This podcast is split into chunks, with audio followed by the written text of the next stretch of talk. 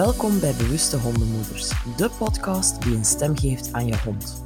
Ik ben Annelies, opvoedingscoach voor ouders van puberhonden en neem je heel graag mee in je bewustwording naar moderne opvoedingstechnieken en de emotionele leefwereld van je hond.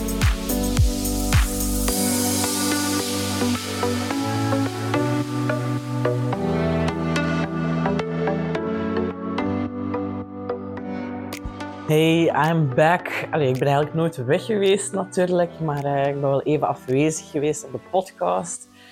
Ik heb zelf heel veel podcasts geluisterd, boeken gelezen, goed uitgeziekt, drie maanden aan een stuk. Want het was het ene virus na het andere virus hier in huis.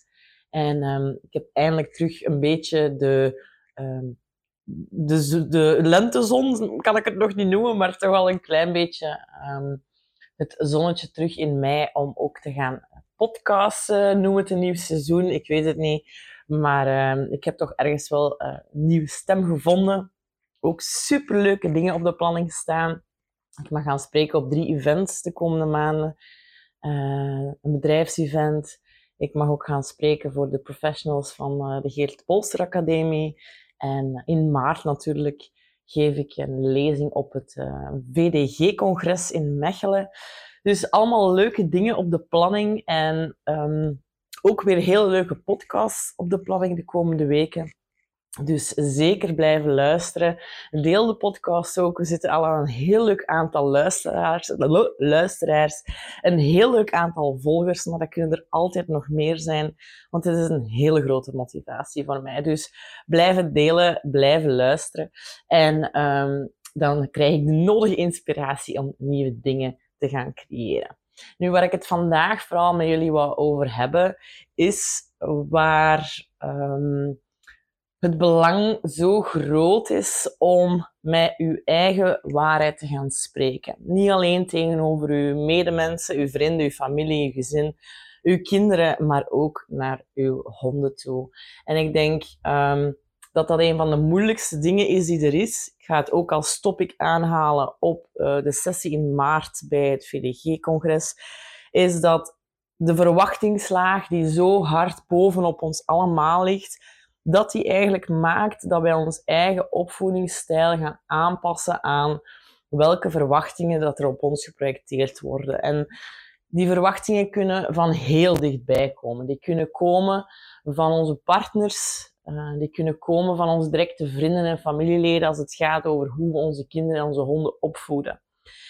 Maar die kan van nog veel dichter uh, bij komen. En dat zijn de verwachtingen die eigenlijk gecreëerd zijn, gemaakt zijn ik durf zelfs zeggen, geïndoctrineerd zijn geweest vanuit onze opvoeding of vanuit de omgeving en de maatschappij waarin dat we leven. En als er nu één ding is waar ik wil doorbreken, waar ik wil um, verandering um, ja, manifesteren, zal ik het zo noemen, want ik uh, alleen zal dat niet lukken. Ik ben maar een stem. Is dat um, het gedaan moet zijn met die verwachtingen te projecteren op onze dieren en op onze kinderen.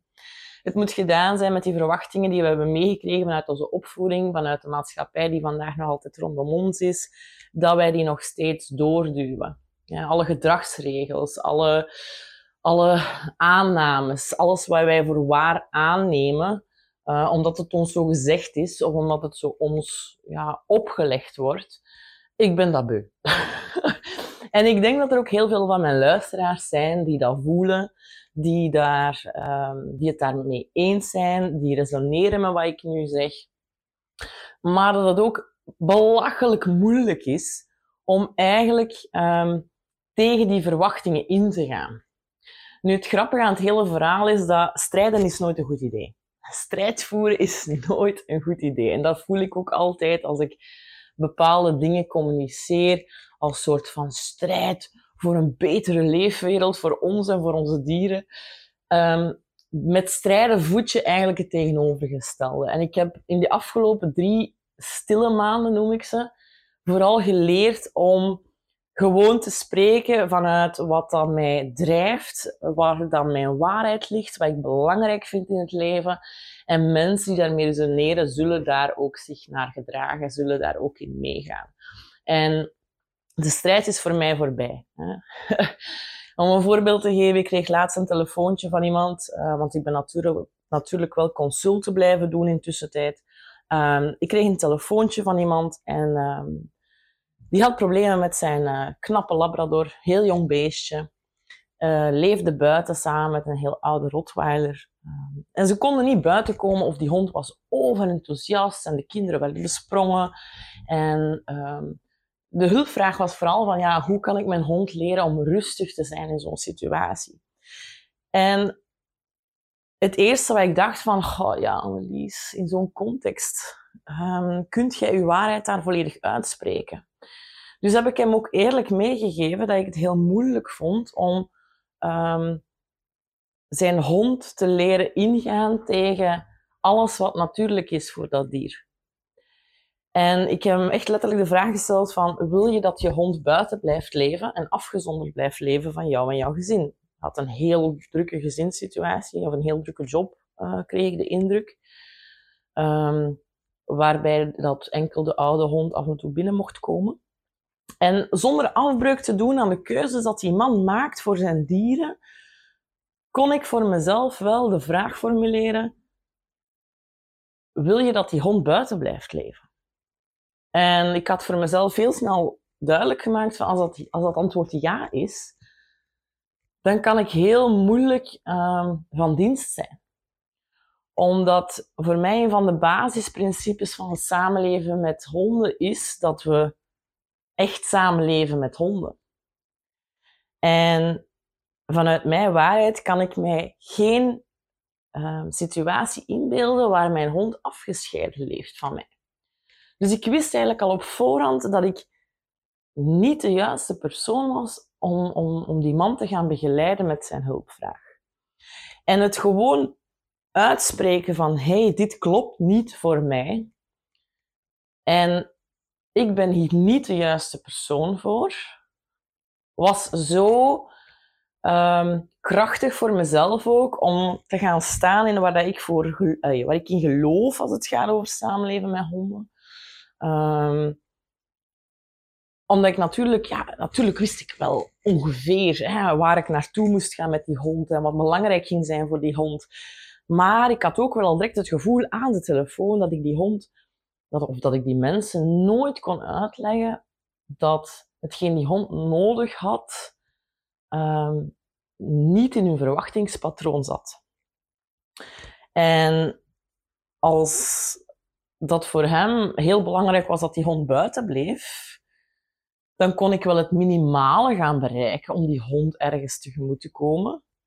Maar dat was niet voldoende voor mij. En het is ook een beetje mijn opdracht dit jaar om zoveel mogelijk vanuit die waarheid te gaan spreken. Om zoveel mogelijk mensen ook samen te brengen, te gaan verenigen. Met andere professionals te spreken die in gelijkaardige situaties zitten, waar dat we nog de neiging hebben om um, toch maar mee te gaan in wat de verwachting is van een ander, in de hoop dat ze ons een goede trainer of coach of wat dan ook vinden. Dat is ook trouwens waar ik het met de hondenprofessionals over ga hebben op de academie van, uh, van Geert.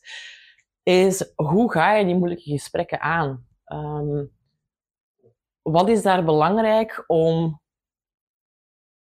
eigenlijk zowel voor jezelf, maar ook voor de mensen aan de andere kant van de lijn of de andere kant van het consult, zoveel mogelijk dienbaar te zijn of, of ja, ten dienste te staan. En vooral in eerste plaats dus ten dienste te staan aan jezelf.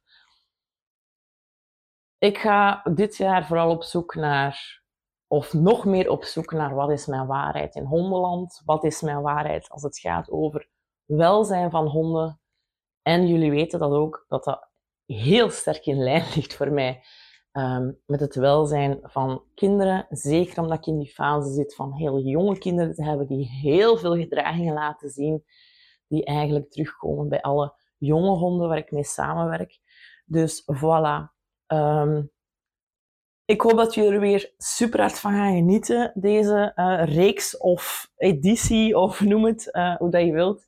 En um, ik hoop weer op jullie steun, op jullie feedback. En dan hoor ik jullie heel graag in een volgende podcast.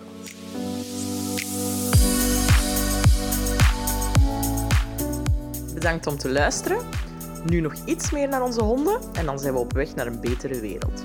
Salut!